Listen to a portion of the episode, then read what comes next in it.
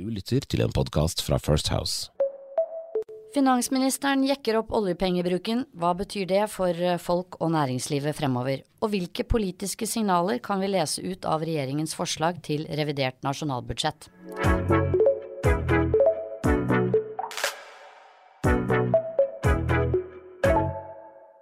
Velkommen til Skjæringspunktet. Dette er en podkast som handler om eh, saker nettopp i skjæringspunktet mellom politikk og næringsliv. Mitt navn er Cecilie Ditlev Simonsen, og med meg har jeg, som vanlig, mine to First House partnerkollegaer. Først Sigbjørn Aanes. Hei, hei. Og Jon Georg Dale. Her. I dag skal vi altså komme tilbake til eh, revidert nasjonalbudsjett og våre analyser. Jeg kan allerede nå røpe at eh, Sigbjørn kommer til å erkjenne at han faktisk har gjort en feil. Og det er såpass sjelden, altså at han innrømmer det, at det må vi ha med. Så har det i kjølvannet av eh, landsmøtesesongen til partiene oppstått en debatt om journalister og politikere som møtes på nachspiel. Det skal vi komme tilbake til. I forrige episode så fikk pressen gjennomgå av både Sigbjørn og Jon Georg. Vi eh, snakket om at eh, norsk presse er skikkelig dårlig til å ta selvkritikk, og vi sendte ut i eteren en invitasjon til Aftenpodden, altså Aftenpostens podkast, for vi hadde lyst til å møte dem til duell. Hva skjedde, Sigbjørn? Nei, nå er det jo sånn at jeg tror Trine Eilertsen, eh, redaktør i Aftenposten, hadde nok veldig lyst på en sånn duell. Trine er jo selvsikker.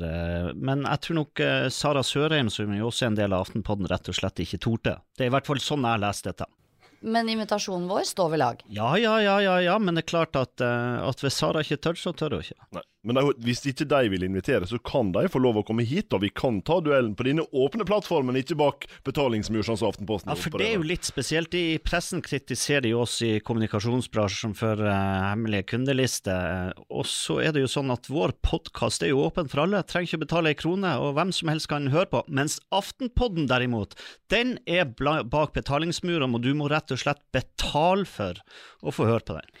Mens vi tilbyr det gratis. Selv, selv om etterspørselen er enorm. vi har det jo veldig gøy, da. Vi, har det ganske gøy. Vi er rause. Vi er det. Men dere, vi skal eh, til uh, vår, vårt første innslag, og det er eh, Snakkis siden sist. Og vi må til nachspiel, og da er det ikke liksom festen vi hadde etter Holmenkollstafetten, også her på kontoret. Jon Georg, du løp ikke, men du var med på banketten. banketten ja. Ja, det er det vanlige. Men vi skal dere til relasjonen mellom politikere og journalister. Det oppsto en debatt, den har vi hatt før, men det oppsto en debatt eh, nå sist etter Fremskrittspartiets landsmøte. Et nachspiel hvor det skjedde ting som eh, partiets ledelse har vært veldig tydelig på var absolutt uheldig oppførsel, og kanskje verre enn det. Men i alle fall er det problematisk at politikere og journalister er på fest sammen. Jon Georg? Svaret på det utvilsomt nei. Eh, det er jo sånn at det er gjensidig avhengighet i, mellom politikere og presse. Det gir veldig mange gode journalistiske oppslag, tror jeg. At det, journalistikken er godt informert. Og det gir politisk, politikerne også uh, stort sett uh, nyttig innsikt og relasjoner med de viktigste journalistene. Det det som Men unnskyld at jeg sier liksom innsikt, trenger man å få det på et nachspiel? Nei, men du trenger å gjøre det i uformelle settinger. Så det, det, trenger ikke å være nachspiel, men det at du faktisk møtes i en setting som ikke er et formalisert møte eller et formalisert intervju, det gir bedre journalistikk, og det gir bedre politikk, tror jeg. Og så jeg tror jeg den siste dimensjonen dette vi ikke må undervurdere, er at politikerne og journalistene i dette i de fleste tilfeller klarer å opptre som profesjonelle aktører. En veit hva en har med å gjøre. Men hva, hva er grunnen til at dette ble en diskusjon?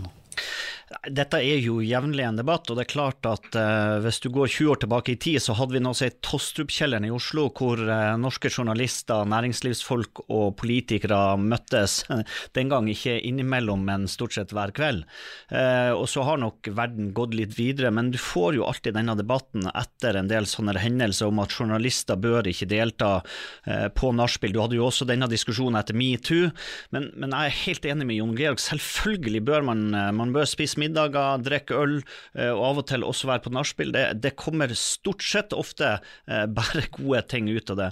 Jeg hadde jo flere år som eh, såkalt partyfikser mellom politikk, journalistikk og, og, næringsliv med pils, pølser og politikk, som, som, og et lutefisklag. Og det var Alle syntes det var stort sett ganske gøy, og jeg tror pressen fikk, fikk flere kilder ut av det. og, og mange av de som var der, ble kjent med en journalist, og det tror jeg bare, bare er bra for begge to.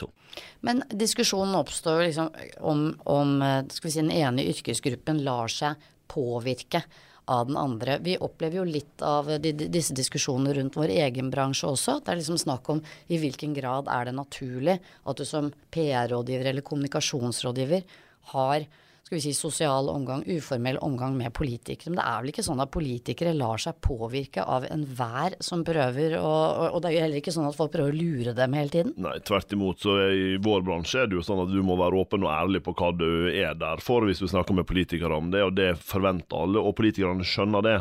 Sånn at det handler jo i, på samme måte som jeg tror når politikere møter journalister, det handler om at du veit premissen for den situasjonen du er i. Og jeg tror jo la, la oss si at kommentatorene i de største avisredaksjonene eller de største nyhetskanalene på TV ikke snakker med politikere utenfor de formelle settingene, så hadde også folkeopplysninga, den politiske analysen til kommentatorene, blitt vesentlig dårligere. Så jeg tror, det, jeg tror, det, er bra for folks innsikt i politikken at en del av denne informasjonen tilflyter i uformelle kanaler. Eh, og det kan Jeg jo si, jeg husker jo noen kommentatorer uten å nevne navn, eh, som, eh, innimellom, nei, som innimellom også skriver om Høyre, men som nesten aldri snakka med høyrefolk eller aldri var ute og møtte oss. Og gud hjelpe meg hvor mye eh, ræl som sto i de kommentarene, og hvor feil det var. Hvor, fordi at når du ikke snakker med folk, så, så, får du heller ikke den forståelsen. Så, så også spesielt for kommentatorene tror jeg det er bra. Men er det noe næringslivet kan eh, lære av dette? Altså Er det sånn at eh, skal vi si, norske bedriftsledere også burde ha mer uformell omgang, både med journalister kanskje, og politikere? Definitivt. Helt definitivt. Og det handler jo om at øh, hvis politikerne som skal ta beslutninger, veit mest mulig om sakene de skal ta beslutninger om, så er det bra for beslutningsprosessene. Be beslutningene kan bli bedre. Fordi de klarer å skille Clinton fra veten. De klarer å skjønne når du er egeninteresse, og når du faktisk bidrar med å opplyse dem noe som er relevant, på den ene sida.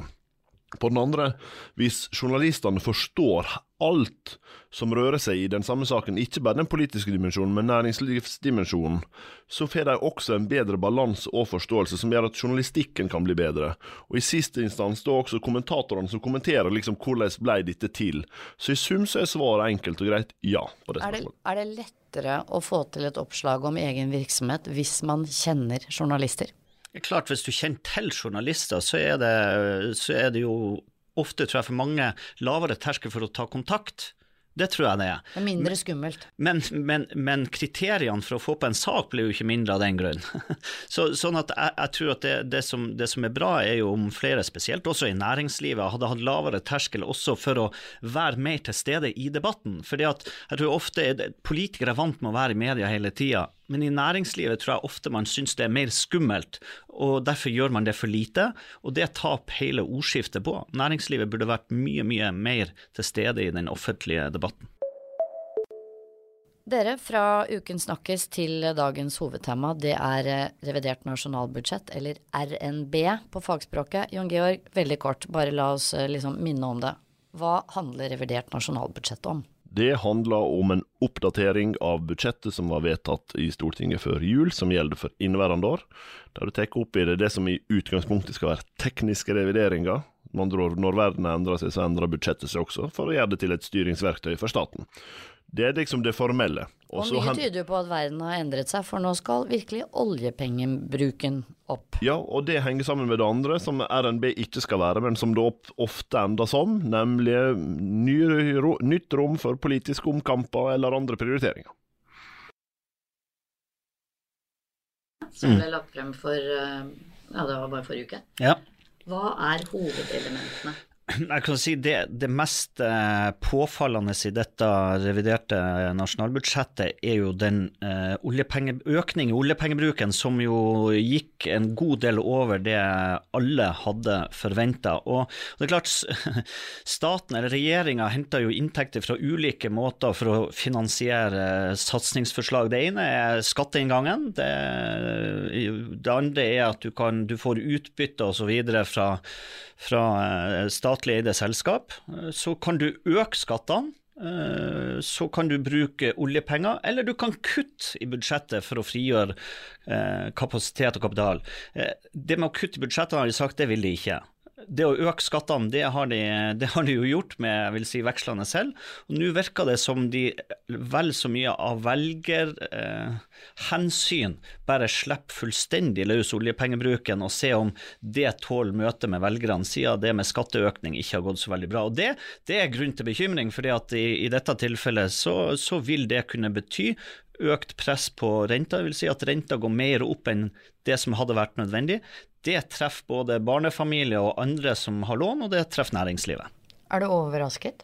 Ja, jeg er litt overraska over, over, at eh, alle forventa økning i oljepengebruken. Men at det ble så mye, det var en, det var en overraskelse. Også fordi jeg si jeg husker veldig godt 50-årsdagen eh, til Erna Solberg. Den gang så kom Jens Stoltenberg med en kalkulator i gave til, til Erna, fordi han var, han, var, så opptatt av, av, dette med oljepengebruk. og Her skulle man eh, inn i regjering med Frp eventuelt etter hvert. Eh, og, og nå tror jeg det er Nå tror jeg Jens kunne ha trengt å gi en sånn kalkulator til Jonas, for dette, dette er ikke gjenkjennelig for Arbeiderpartiet. Du har før sending sagt at du har en innrømmelse å komme med knyttet nettopp til eh, revidert nasjonalbudsjett. Vi tar den nå. Skulle jeg si den på en podkast som skal sendes så alle kan høre på? Ja. Ok, det var jeg ikke forberedt på. Men uh, Nei, vår analyse har jo, har jo, vært, og det har vi jo sett lenge komme i, vi, vi leser den såkalte perspektivmeldinga som kommer hvert fjerde år, så, så har jo alle visst at det blir trangere tider fremover. Det blir stadig flere eldre som skal finansiere av færre skattytere enn før. Eh, sånn at vi har jo sett at vi går inn i trangere handlingsrom. Og det har jo vi også hatt i våre analyser, at til alle de som ønsker støtteordning og penger fra staten, altså nå blir det tøffere kamp om kroner fremover. Og det er klart at den analysen må vi også revidere. Den viser seg nå å ikke være like riktig, rett og slett fordi at hvis regjeringa nå tenker å slippe opp eh, på denne måten i oljepengebruken, så vil det faktisk være, det vil være større muligheter for alle som ønsker å få til noe. Hva sier dette budsjettet om eh, Jonas Gahr Støres skal vi si, posisjon og politikk fremover? Hvorfor gjør han disse endringene? Nei, Jeg leser dette som, et, uh, som to ting, egentlig. Det ene er jo at de reelt er så redd for store kutt i offentlig sektor som det måtte legges opp til hvis de ikke gjorde de grepene de gjorde nå, at de tror på en måte ikke at det ville stått seg rent sånn faglig politisk. Så hvis, hvis sykehusene må ta ti milliarder i kutt, og politiet må ta en milliard, sånn, og du får permitteringer i politiet, så vil ikke det En ting er at det ikke være forsvarlig i en politisk kontekst å gjøre det, men det vil heller ikke være smart. Uh, på noe annet vis. Så det er liksom den ene dimensjonen. Og det går ikke an å vinne valg på det, stortingsvalg om to år heller. Nei, og det, og det, er det andre. Fordi at det som jeg syns er merkeligst med dette, er at retorikken til regjeringa er så skiftende. Når de la fram budsjettet i fjor høst, så var de jo veldig klare på at nå måtte oljepengebruken begrenses. Det var finanspolitikken som måtte holde igjen for at ikke pengepolitikken skulle gå av mokk, og dermed renta gå til himmels. Så hele det politiske narrativet som regjeringa har jobba under på eget valg en sju-åtte måneder nå, har vært vi må holde igjen, vi må holde igjen, vi må holde igjen. Og hva er det som da har skjedd? Nei, Det som da har skjedd, er at det ikke har stått seg. Og så blir de konsekvensene av den prisveksten som har vært nå, blir så store at de ikke tør å ta den politiske belastninga ved det heller. De har fått massiv juling for store skattegrep gjennom et halvt år, så det tør de heller ikke å gjøre. Nei, for da har de jo valgt å utsette når, ting. Ja, så når du ikke skal ta inn mer skatt, og du ikke tør å kutte, Da er det bare én ting du kan gjøre igjen, da, og det er den måten som veldig mange politikere har løst alle problemer i Norge på i 20 år, nemlig bruke mer oljepenger. Men det som er største utfordringa deres nå, er jo at de har gått fra en situasjon der sa vi må holde igjen for å passe på renta, til å nå gi gass og lage et ekspansivt budsjett i en tid som vi er inne i nå, og der de kan få skylda for, politisk skyld og ansvar for, renteøkninger som kanskje uansett ville ha kommet. Men de tar en politisk risiko i dette som eh, er stor, så jeg vil si at det enten så er det lite gjennomtenkt fra regjeringa, eller så er det ganske vågalt. Eh, og det kan godt hende det er det siste. Ja, og, og det er mulig å forstå hvorfor man gjør det. Dette er jo den enkle veien ut. Eh, men, men, det er klart at hvis du ender For nå har vi jo en ganske betydelig diskusjon, spesielt med fagøkonomene som, som mener at dette var en oljepengebruk over forventning, og dermed bidrar til et større press i norsk økonomi, som er uheldig når du har en inflasjon som er høy og en rente på vei opp. Sånn at dette er jo litt risikosport. Hvis de ender opp med at de neste gangene norske, norske husholdninger åpner brevet fra banken om økt rente, så får, får regjeringa skylda, så har jo dette vist seg å være en, en, en sjanse som kommer til å koste enormt. Men, men, men, dette er jo veloverveid fra ja, en statsminister. Men, men, dette viser også de vanskelige dilemmaene han står i. ikke sant? Fordi at på den ene sida så tar han, han tek en risiko i velgermassene for at du plutselig går fra å ha skulle ha tatt ansvar for renta, til at du får ansvar for at den går opp. Så det er, liksom, det er en politisk risiko i den eh, konteksten. Men den andre politiske risikoen for Jonas Gahr Støre er jo fra opposisjonen. Og det er klart at Med å gjøre dette, så reduserer han jo handlingsrommet. Der er jo ingen som kan bruke mer penger enn regjeringa nå. De har brukt opp hele handlingsrommet. 3 %-regelen øh, er liksom øh, brukt. Og det er ingen som kommer til å ville legge høyere press i norsk økonomi enn det regjeringa legger opp til nå, som har tenkt å bli tatt på alvor. Sånn at Han reduserer jo opposisjonens handlingsrom til å gå rundt seg. Så det er jo det som er det andre spørsmålet. Hva skal, hva skal Høyre og opposisjonen gjøre nå, da? De må jo bare jatte med på det meste av dette. De vil jo ikke tørre å ta kutt på 20, 30 og 40 milliarder i offentlig sektor for å frigjøre penger på skattesida. Så det han gjør på lang sikt, er jo også å redusere det borgerlige handlingsrommet. Og det kan jo være et smart trekk. Både, både, nå og hvis de skulle vinne regjeringsmakten om to år. Korrekt, men, men det, og det kan jo gå veldig bra hvis han ikke får ansvaret for ei økende rente på den andre sida. Men hvis en gjør det, så er jo stort sett velgerne mer opptatt av hva som skjer i lommeboka deres her og nå, og den økonomiske situasjonen de er i her og nå, enn å tenke liksom på det store politiske spelet som ligger på den andre sida. Men disse vurderingene gjør jo også Arbeiderpartiets ledelse. Ja, det må man nesten forvente at de, de hadde gjort, men det er klart at uh, det kunne man også tenkt når de uh, i slutten av september i fjor høst kom med disse brå skatteendringene, som har altså virkelig gitt de massiv juling over tid, og som nok viste seg at prosess og gjennomføring ikke var særlig veloverveid. Så, så, så man, blir litt, man, blir jo litt i stuss, rett og slett fordi at dette revidert nasjonalbudsjett er ikke et nytt budsjett. Det er revidering av budsjettet, det skal være små endringer og justeringer. Og så var det jo dette med at de undervurderte si, inflasjon, som, som, jo gjorde at, at, noe måtte skje, og det forventa alle, men, men, her ble det kanskje litt mye Møllers tran, eh, rett og slett. Og, og, og utfordringen er at jeg tror ikke sant, det, det, regjeringa vil sette på mange måter være de som guider og setter streken for oljepengebruk i politikken generelt.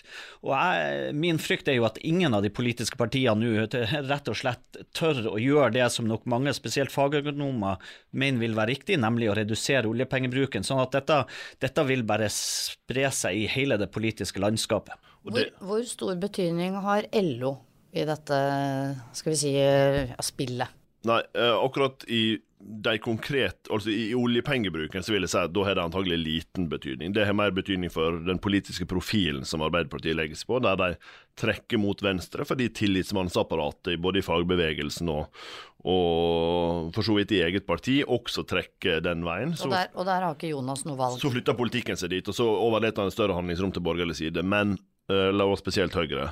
Men jeg tror det som er, det som er sentralt i i akkurat den situasjonen vi er i nå, er jo at Arbeiderpartiet aktivt nå prøver å kom, bruke denne situasjonen til å komme på offensiven igjen. Så jeg tror at dette er veloverveid. Det som er problemet med det, hvis en liksom skal zoome helt ut, er jo at der er jo aldri noe parti på Stortinget som er mer ansvarlig enn regjeringa.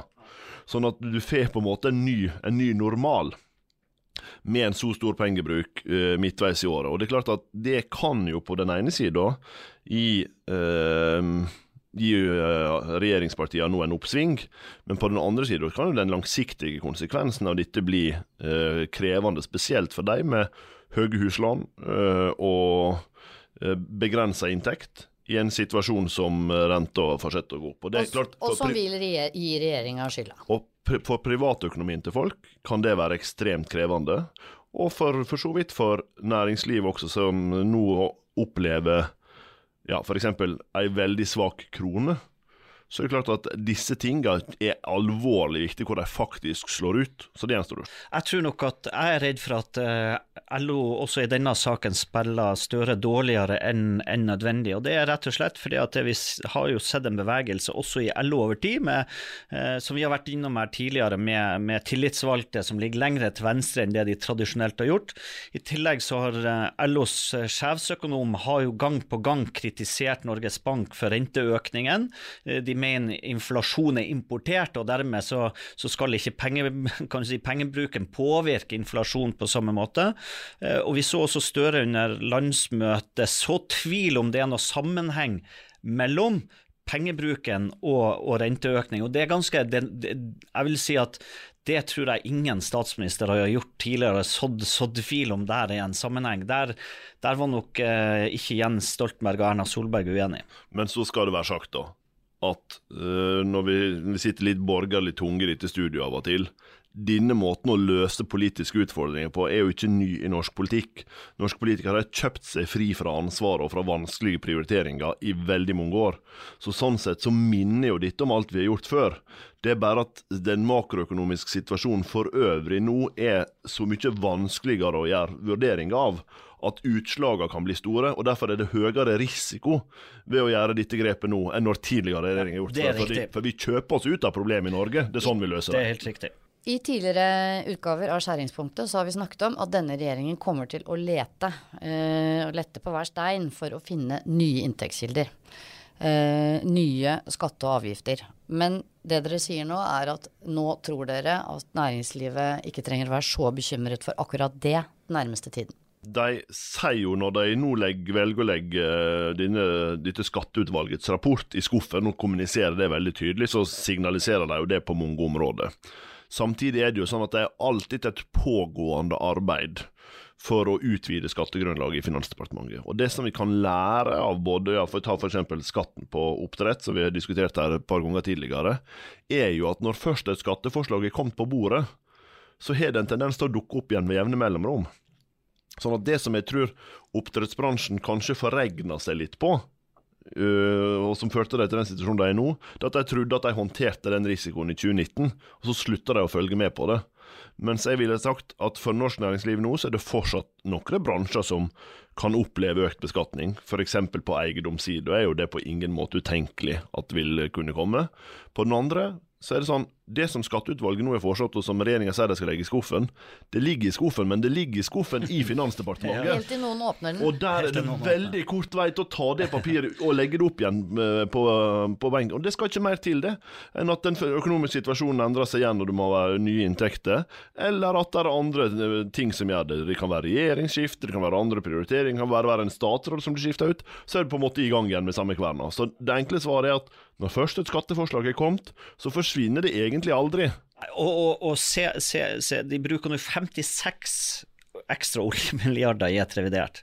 Allikevel så finner de ikke rom til å fjerne denne ekstraordinære høye arbeidsgiveravgiften som jeg tror provoserer samla norsk næringsliv. Som skal være midlertidig? Som skal være midlertidig, inkludert partene i arbeidslivet. Og det viser jo bare at, at når, når denne regjeringa kan velge mellom det å ta bort sånne ting som de til og med har lovt skulle være midlertidig, som ingen noensinne tenkt skulle kunne komme, eller utgiftsøkninger, ja, så velger de å pålegge næringslivet økt byrde. og det, Der kommer de til å stå i det. Skjæringspunktet kommer de også til å stå senere. vi kan ta noen eksempel. Eiendomsmarkedet tror jeg er et sånt.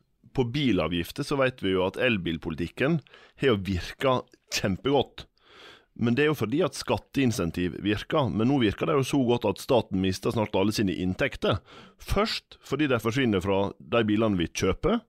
Så forsvinner de fra bensin- og dieselavgiftene, som vi også drar inn milliarder av kroner på. Og til sjuende og sist må denne skatten erstattes av et eller annet. Så enten så kommer det andre avgifter på bil, eller så må det være noen andre sektorer som betaler akkurat de samme avgiftene, fordi staten har ikke tenkt å kutte kostnader, vi bare øker det hver gang vi får sjans. Så derfor så er det eh, viktig å passe på alle skatteforslag også fremover. Så følg med. Så er vi kommet til eh, favorittinnslaget til eh, lytterne våre, og definitivt til eh, mine to kolleger i studio her, for det er ukens hodepine. Og denne uken er det jo 17. mai, og det er nærliggende å spørre deg, Jon Georg, har du noen hodepiner knyttet til 17. mai? Ja. Eh, og egentlig, bærer uh, egentlig flere. Jeg har ofte hodepine også etter 17. mai, men, men, men, men den, viktige, den, viktigste er Og på 17. mai, det er jo tross alt 16. mai man kan glede Ja, seg men, til. nei, men det, det er vokst fra. Men, uh, men etter 17. mai bruker jeg å ha litt hodepine. Men eh, jeg har også ei før, og det er å stryke bunadsskjorte. Greier du å stryke uten at Det det er ikke mulig å stryke bunadsskjorte fint. Og du kan holde på i timevis, og nå har jeg fått, all, jeg har fått alle mulige tips om det. Stryk den mens den er våt, heng den opp, gjør den sånn, strekk den Ingenting virker. Det er stryk og stryk og stryk med den skjorta, ingenting virker. Er Men det er jo, du, du har jo ikke peiling, du bruker jo sånn dampmaskin, da får du jo ikke kanter. Ja, men damp, du, det funker ikke på liten skjorte. Jo, jo, jo, jo, jo. Men du ser jo ut du gjør ikke dette selv. Du ser jo ut som Du går jo rundt som ei Sigbjørn, på seng, du. Det hjelper jo. Du kan jo sitte der med den dampmaskinen Sigbjørn, se meg inn i øynene. Stryker du bunadsskjorten din selv? Det har jeg gjort, ja. Gjør du det i år? Nei, neppe, men jeg har gjort det. Men jeg bare når jeg hører hva som er problemet hans, så har jo jeg løsninger på det. Bruk som dampmaskin, det funker veldig bra for å ikke få sånne kanter. Det vet jo alle. Men- Du kan levere det også. Ja, Du kan kan outsource. det? Kan Ja, ikke til meg. Nei, men for det, det alle skjønner, at det er jo det Sigbjørn har gjort. Han sier at han har en dampmaskin. Ja, det har vi jo- skjønt. men Sigbjørn er jo norgesmester i kjøp av tjeneste. Eh, Han er jo så, Veldig glad i private tilbydere. ja, Veldig glad. Og det kan jeg skjønne, for på bunadsskjorte er det et must. Og resten av det, bunaden, det går fint. Alt annet klar- klarer ennå til både å pusse sko og Men du, sølje dette og dette gleder det. oss. Vi, vi eh, ønsker deg lykke til. Du har to døgn på deg. Helt sikker på at du kommer til å bli kjempefin. Jeg har ikke to døgn på meg. Jeg skal pugge andre vers av kongesangen også. Det, det krever sitt. Kjempebra. Så må vi bare se litt fremover. Politisk kalender eh, fremover. Hva er det som skjer på Stortinget de neste ukene? Det som skjer nå, er for alle praktiske formål at landsmøtesesongen er ved veis ende, og vi går over i det som er sluttspurten på Stortinget før sommeren. Og Det betyr at de neste ukene nå, så kommer alt han, til å handle om å få ferdigbehandla alle sakene som ligger i Stortinget. Det er massivt med avgivelser av hver enkelt sak i komiteene nå, og det er debatter eh, gjennom juni for å håndtere siste rest, før Stortinget tar eh, sommerpause om såkalt møtefri periode, fram til etter kommunevalget. Så nå får du på en måte avklaringa i veldig mange av de politiske spørsmålene som kommer til å være viktige for partiene på vei inn i kommunevalgkampen. Og revidert nasjonalbudsjett skal jo behandles i Stortinget i løpet av de neste ukene. Det skal det også forhandles og behandles. Eh, og så eh, skal den eh, mye omtalte lakseskatten, der er også fristen utsatt tror jeg, til neste uke. Og den skal jo også forhandles eh, ferdig, så det blir spennende å se. Vi følger med, og vi håper at eh, dere som eh, hører på oss, har lyst til å fortsette å abonnere på Skjæringspunktet. Del gjerne podkasten vår med andre, og ha en riktig god 17. mai.